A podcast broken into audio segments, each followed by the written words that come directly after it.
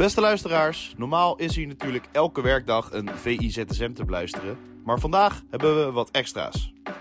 In de podcast Scorebordjournalistiek vertelt Bart Vrouws aan de hand van statistieken en leuke feitjes waar jij op moet letten als je lekker Eredivisie aan het kijken bent. Deze podcast komt elke vrijdag online. Het is dus een soort warming-up voor je Eredivisie weekend. Dus abonneer je even op Scorebordjournalistiek op je favoriete podcast app. En dan wens ik jullie veel luister- en kijkplezier dit weekend. Voetbal is een, is een spelletje waarbij toch niet altijd de beste wint. Ik denk als je dan toch heel objectief kijkt naar deze wedstrijd, dan vind ik niet dat de beste ploeg gewonnen heeft. Ja, dat is scorebordjournalistiek. Dat hoeft niet te betekenen dat je dan minder bent als ploeg en ook niet minder hebt gespeeld. Ja, jullie zijn altijd heel goed om eh, resultaat uh, en scorebordjournalistiek heeft ooit uh, Koan dat genoemd. Uh, het gaat om de wijze waarop je voetbalt. Ja, dat is wel makkelijk scorebordjournalistiek om nu daar heel erg ja op te zeggen. Ja, dat is scorebordjournalistiek. Scorebordjournalistiek, de warming-up voor speelronde 31. Bart Vrouws, welkom in de show. Nog drie potjes en dan uh, begint het zwarte gat, hè? Nou, je begint heel negatief. ik denk dat dit wordt het weekend met alle beslissingen misschien wel. Ja, ik heb er wel zin in. Ja, ja, nee, zeker. Daar heb ik zeker zin in. Uh, misschien uh, denk ik wat te pessimistisch over de zomer. Maar uh, laten we nu vasthouden aan hoe lekker het is dat er nog Eredivisie voetbal is. is. Inderdaad, Zo je hebt helemaal gelijk, Bart. gaan we terugkomen op onze voorspellingjes. Eentje eigenlijk. Tenminste, we hebben de bekerfinale hebben gezegd... we hopen op pingels. Nou. En die hebben we gekregen. Eerste keer sinds 2009. Strafschoppen, daar waren ja, ze. Ja, ja, ja. En wat een serie. Genoten? Ja, ik vond het heerlijk. Ik heb, ja, ik heb, ik heb kapot gelachen, maar het was wel, het was wel echt vermakelijk. Ja, vooral gelachen. Ja. Hoe heb je gekeken? Gewoon thuis? Uh, nee, ja, in de studio bij, bij de NOS. Ik oh, deed verslag voor de radio, uh, analyse. En, en daar gekeken met, met Gertjan Verbeek. En ja, ja, we hebben genoten van die wedstrijd. Hoe reageerde Gertjan Verbeek? Ja, ook, ook verbaasd. Ook verbaasd. Dat, verbaasd. Hoe kan dit? Deze gekkigheid. Maar niet hoe lachen. kun je strafschoppen zo nemen? Nou, we hebben wel een klein beetje in ons vuistje gelachen daar. Uh. Ja, snap ik. Dat snap ik. Vooral die uh, strafschop van Alvarez was bijzonder. Koddig, ja. Koddig, ja. ja. Maar goed, we hebben strafschoppen gekregen. Heerlijk in de bekerfinale. En ik dacht, 2 miljoen kijkers. En uh, misschien is het vals spelen als ik ESPN en Fox bij elkaar optel of niet? Dat, dat wil ik nog aan je stellen. Uh, nou, als het dan uiteindelijk op 2 miljoen uitkomt, dan vind ik het geen vals spelen. Dan, nee. dan gun ik jou deze. Want ik wist niet hoe ik het moet inschatten, omdat Fox ESPN uitzendt. Ga je dan eerder naar Fox omdat het eerder is uh, ja. bij je zenders of zijn op, op ESPN? Maar volgens mij had Fox net iets meer. Dus de luie zeppers die zijn daar terechtgekomen. Maar 2 miljoen totaal. Klasse gedaan. Kijk, nou. cijfer goed bij deze. Mensen weten niet hoe uh, ze hierop zitten te wachten. Maar goed. er kunnen wel beslissingen vallen uh, deze speelronde. En vooral belangrijk, gaat Cambuur nog een, uh, een sprongetje doen? Een kat in het nauw. Maakt rare sprongen. Het moet wel een hele rare sprong. Dit wekenlang... Wordt soort... 38 salto's op rij moet het zijn. Houdini, een Houdini act is dit nog, daar zou dit niks bij zijn. Als ze dit nog weten te ontlopen. Nee, dat gaat niet gebeuren. En misschien gaat dit weekend wel uh, het doek vallen voor Cambuur. Het is wel leuk um, wat clubs doen in de winterstop... als je er slecht voor staat, uh, om ja, je proberen te versterken. Uh, en met Groningen en uh, Cambuur, zijn twee ploegen die dit weekend kunnen degraderen... die hebben eigenlijk allebei iets anders gedaan. Allebei hebben ze wel een beetje ingezet op... Uh, ervaring en wat versterking. Hè. Willems en, uh, en Manu bijvoorbeeld naar Groningen gegaan. En Manu uh, was wel een goeie. Ja, zeker. En Willems heeft ook zijn, zijn ja, best gedaan. bij Cambuur hebben ze ook wat ervaring gehaald met bijvoorbeeld Johnson, Voor, Mahi. als je dan kijkt naar de gemiddelde leeftijd van alle eredivisieploegen... en de leeftijd waarmee ze aan een wedstrijd beginnen... dan is het grootste verschil zowel positief als negatief, als zowel jonger als ouder, te vinden bij Groningen en Cambuur. Oh, Groningen is de ploeg die het jongst is geworden ten opzichte van voor de winterstop. Terwijl je zou zeggen, nou, dat, dat kun je doen. Misschien met wat jonge jongens. Uh, ze hebben dus wat ervaring gehaald, maar ook jongens als Blokzeil uh, erin gezet. Die Antman, die is niet, uh, niet heel oud. Daar zijn ze mee, mee gaan spelen. die zijn dus heel veel jonger geworden. Terwijl Cambuur heel veel ouder is geworden. Die zijn bijna twee jaar ouder geworden dankzij die, dankzij die ja, kwaliteitsinjectie klinkt misschien wat gek, maar het zijn wel goede spelers die ze gehaald hebben. Uiteindelijk heeft het niet volop geleverd. Allebei niet. Nee, nee maar dan nee. is het, ik, vind, ik vond het wel aardig om daar eens naar te kijken. Van, wat moet je nou doen als je, gaat, uh, ja, als je er zo slecht voor staat in de winterstop? En we hebben nu twee verschillende routes gezien eigenlijk. En allebei is het niet gelukt. Nee. Dan maar... gaat het niet lukken. Moeten de, de, de huid en de beer, uh, dat soort dingen. Maar... Dus gewoon nog jonger of nog ouder? Wat, wat denk je? Ja. Ik denk echt 30 is inkopen, toch? Ja, dat is toch eigenlijk gewoon de regel? Ja, nou ja, je ziet het nu bij, uh, bij, bij, bij Cambuur dat dat ook niet echt helpt. Ze hebben ook die jongens die ze gehaald hebben, zijn ook redelijk op leeftijd. Ja. Uh, maar ook dat ja, zet geen zoden aan de dijk, in ieder geval voor Cambuur. En wat bij Cambuur dan het grootste probleem is, is gewoon het scorend vermogen. Ja, want dat, dat is heel bijzonder, toch? Hoe, hoe weinig ze eigenlijk scoren. Ja, je hebt dan de expected goals, de, de kwaliteit van de kansen die ploegen hebben, op basis van dat getal, hè, op basis van expected goals, zouden ze 34 doelpunten hebben mogen verwachten dit jaar. Ze hebben er 21 gemaakt. Oeh. Dat is wel heel, heel bijzonder. En wat zegt dat dan? Dat verschil... Uh... Nou, dat ze wel de kansen, uiteindelijk kansen creëren. Alleen dat ze ze simpelweg niet afmaken. En dat, dat blijkt ook wel uit, uh, um, uh, uit de cijfers. Ze hebben van, van alle ploegen, op de hout, houdt die gegevens bij... van de Eredivisie sinds 2010, 2011. Van al die ploegen die in die seizoenen gespeeld hebben... vanaf 2010, 11 tot nu... was er slechts één ploeg die nog onzorgvuldiger met de kansen omging dan, dan Cambuur. Dat was Zwolle afgelopen jaar. Uh, die maakte 6,2% oh, van de schoten. Maar dat was ook het verhaal van het seizoen daar. Ja. Dat ze echt wel goed voetbalden. Maar dat het gewoon niet kwam. Scorend vermogen. Ja. Nou, en dat is bij Cambuur dit seizoen ook. Zwolle vorig jaar 6,2. Cambuur dit seizoen 6,3 procent. Dus het scheelt niet heel veel. Dus Was het voetbal bij Cambuur er wel minder dan PEC, toch? Ja, dat denk ik wel. Uh, en wat opvalt is dat ze ook nog Cambuur na de winterstop nog mindere cijfers hebben eigenlijk dan voor de winterstop. Dus we hebben het net wel gehad over die kwaliteitsinjectie. En, en dat je met Johnson, Björn Johnson bijvoorbeeld een aardige spits hebt gehaald. Alleen ja, minder schoten per wedstrijd. Minder XG per wedstrijd. Ja, het, het houdt niet echt over. En dan is het niet gek dat je gaat degraderen aan het eind van de rit. En een jonge trainer. Denk je dat dat nog een verschil had kunnen maken als je een meer ervaren man had uh, aangesteld? Oeh. Uh, staat wel bekend als een goede trainer. Ja, zeker. Uh, maar, zeker. Ja, ik, ik, durf dat niet te zeggen. Dat, dat, ja, ja. Nee, ik, ik, was toen bij, bij Cambuur Feyenoord en die, die mannen zeiden daar allemaal, die supporters in de rij richting het bier en de braadworst. zeiden ja, George Ulte, dat past echt niet bij deze club eigenlijk. Zo'n zo rauwe, zo rauwe club. Maar toen zei ik van ja, maar past de Arne Slot bij de, de rauwe club Feyenoord in eerste instantie? Dat, dat weet je ook niet. Toch? Nee, nee ja, ik durf dat niet te zeggen of dat, uh, of dat gaat gebeuren. We, we, kunnen het wel zoiets in de gaten houden komende week in Engeland. Waar Leeds United Big Sam, Sam Allardyce heeft aangesteld. Ja. Uh, ook aardig op leeftijd. Nou, misschien hij is even goed als Guardiola hoor. Dat, dat zijn misschien wel beter. Dat is even een uitstapje naar de Premier League. Laten we zien of hij uh, Leeds in de, in de Premier League houdt. Als dat het geval is, dan moeten we daarop terugkomen. En dan kunnen we zeggen dat Ulte het niet had moeten doen. Beetje, beetje onzin natuurlijk. Maar dat is wel zo'n voorbeeld van... ja, dan zet je een oude krek voor en kijk of hij het dan... We hebben alleen geen tweede dik advocaat, hè? Dus, uh, ja. Nou ja, Leo Beenhakker alweer opbellen, dat is ook zo wat, hè? Robert Maaskant afstoffen. Ja, die is nog niet zo heel oud. Nee, nee, daarom. Maar die is wel bij, bijna gestopt. Ja. De tegenstander, we, we hebben het over Cambuur Utrecht... op de zaterdagavond trouwens. Utrecht, die scoort weer in uitwedstrijden. Ja. Dat was eerst niet het geval. dat is ook goed, hè? Dat is ook het, het rare van voetbal. Vorig jaar uh, maakten ze in 17 uitwedstrijden 19 doelpunten. Dat was echt een tragisch, tragisch aantal. Uh, en, en, dit seizoen hebben ze er al na 15 wedstrijden 31 gemaakt. Dat is nu al een record voor Utrecht in uitwedstrijden. En dan spelen ze nog, nog twee potjes. ook nog dit weekend dus tegen, tegen Cambuur. en als je dan iemand de credits moet geven... dan is het wel Mr. Uitdoelpunt Bas Dost. Die maakte dit seizoen 9 doelpunten, waarvan 8 in uitwedstrijden. Dus die is heel deel verantwoordelijk voor, die, uh, voor dat... Voor en de Kuip ook nog, de laatste wedstrijd, toch? Uh, ja, ja, ja, ja. mooi goal is dat zeker, trouwens. Zeker, mooi goal. Uh, wat wel grappig is, uh, afgelopen jaar scoorden ze dus maar 19 doelpunten. En toen werd aangekondigd dat Bas Dost zou komen.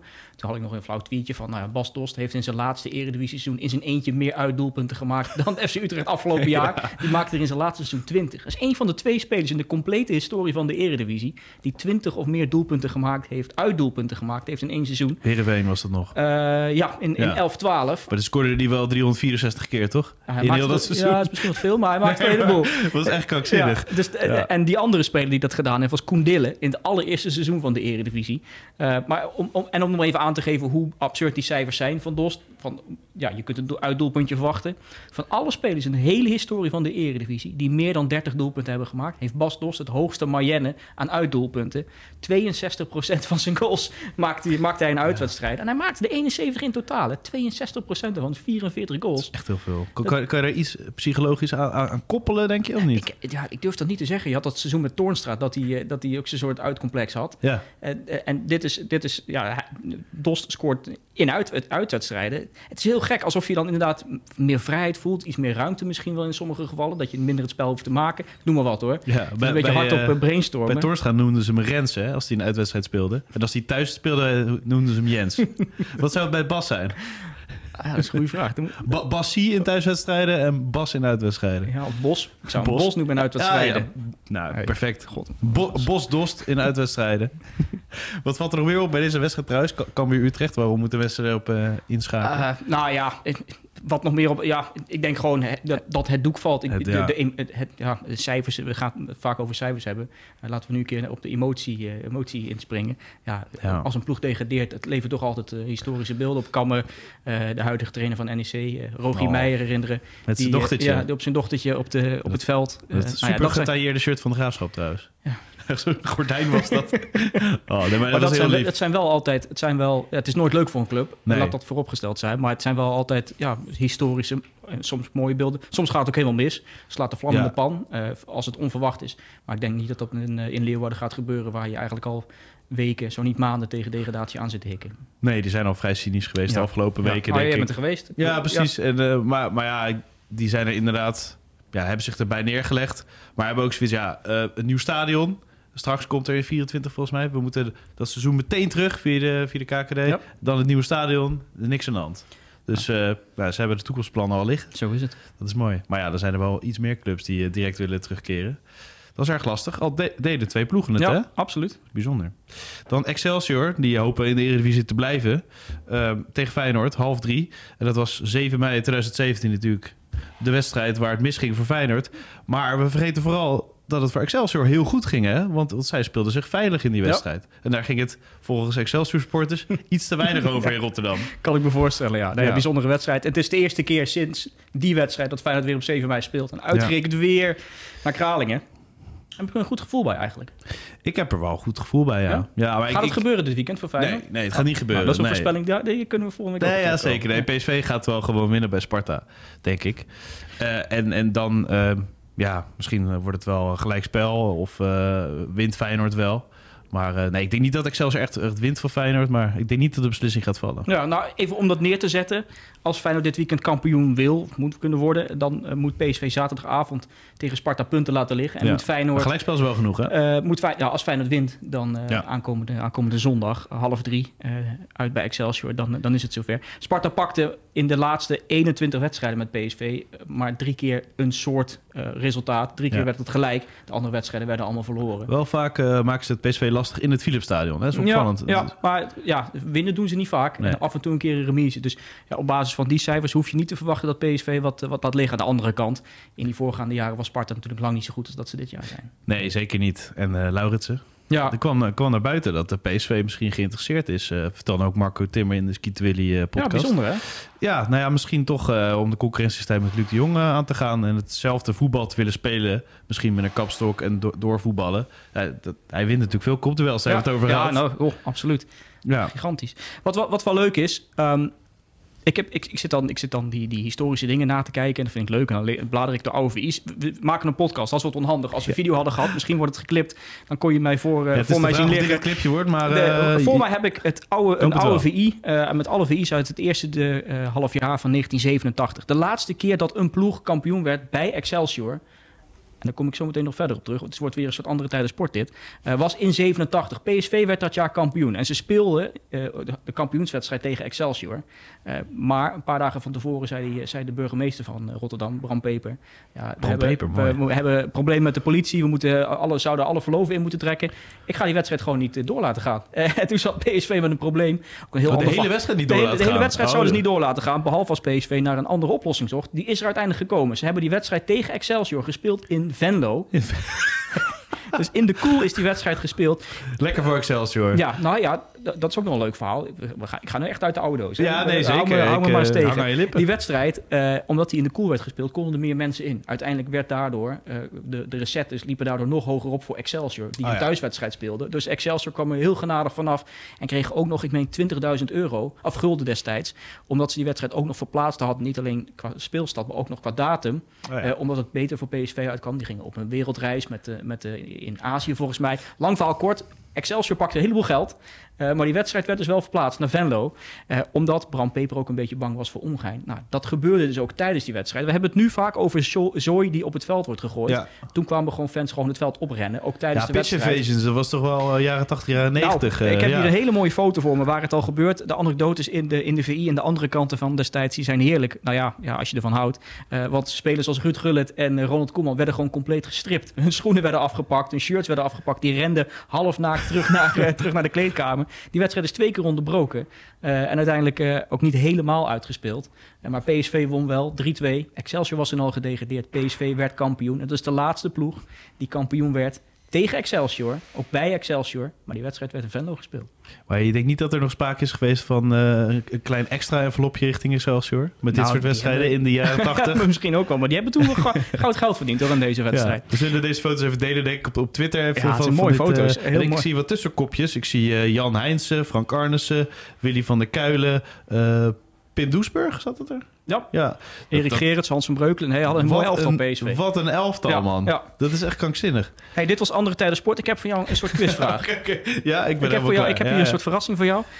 Wie denk jij dat de enige speler is in de Feyenoord-selectie... die dit seizoen alle competitiewedstrijden heeft gespeeld?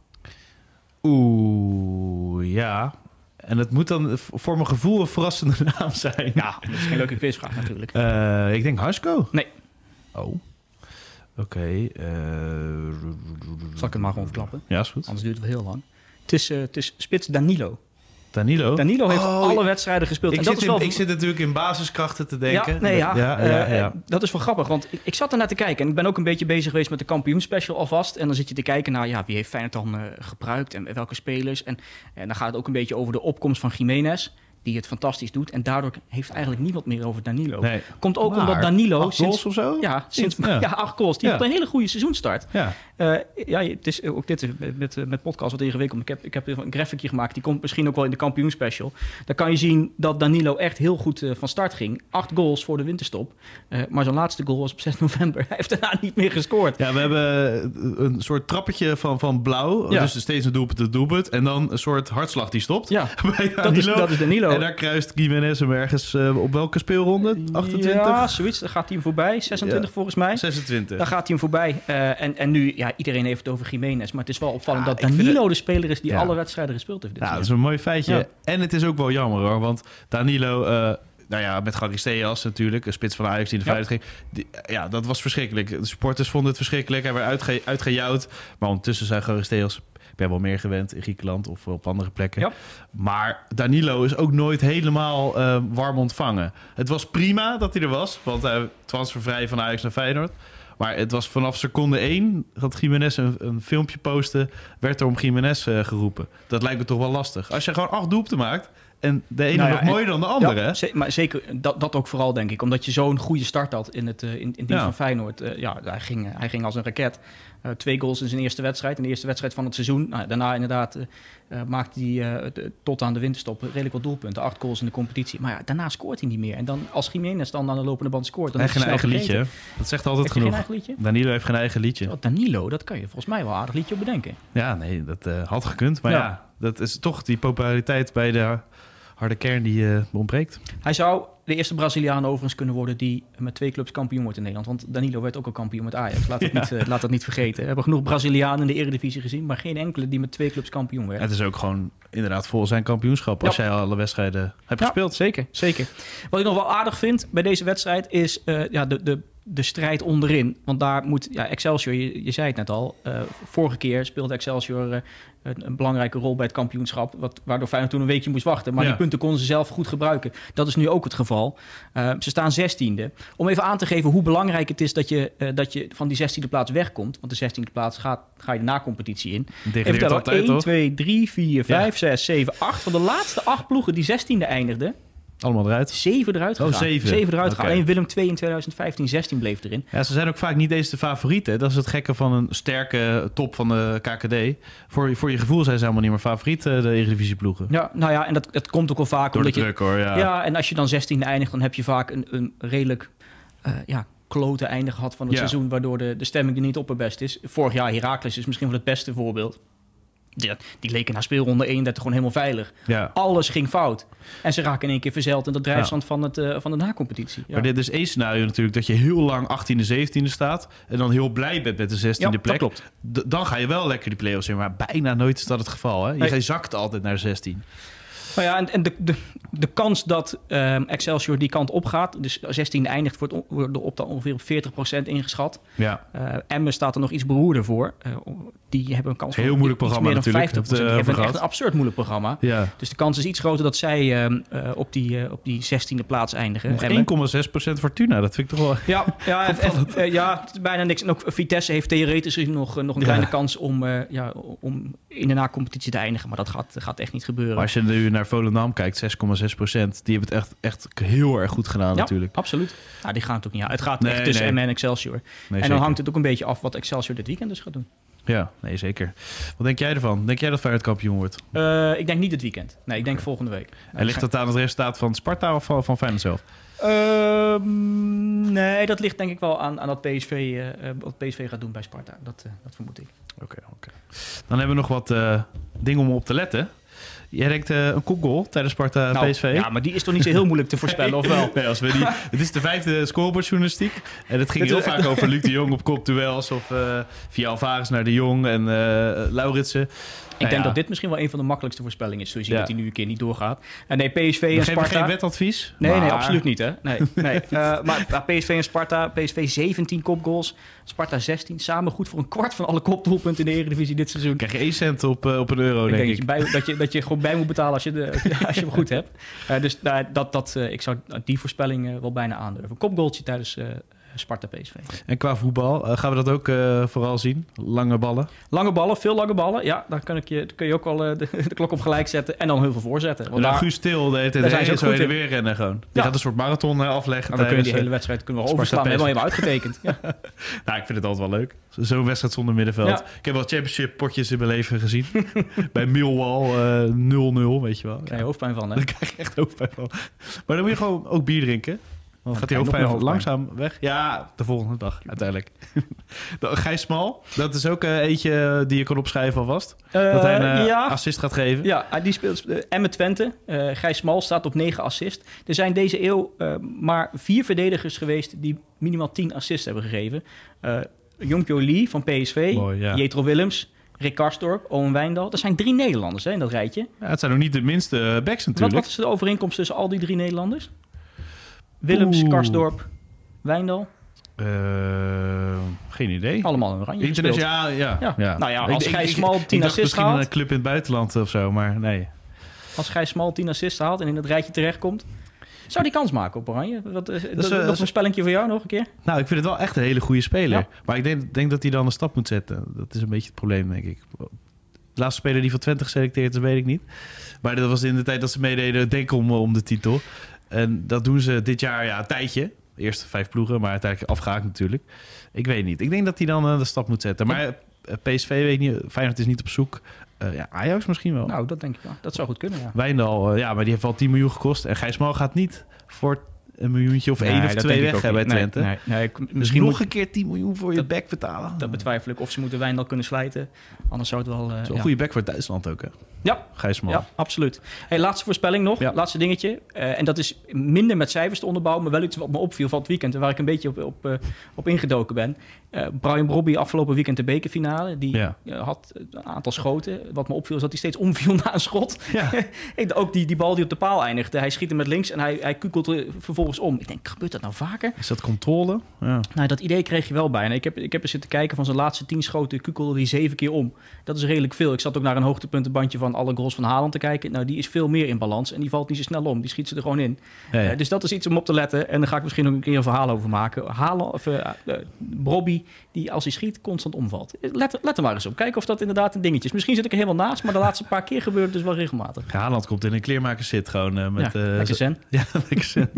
Oké, mooi. Genoeg om naar uit te kijken dit weekend. En Dan zijn we helemaal rond. En we zullen alle beelden eventjes, of alle beelden eventjes wat foto's delen van waar we het over hebben gehad. Want dat is, was leuk om even Terug te kijken. Tot de volgende, Bart. Tot de volgende. Vond je nou een leuke podcast? Abonneer je dan eventjes via de podcastkanalen van Scorebord Journalistiek. En dan zeg ik tegen iedereen, tot ZSM.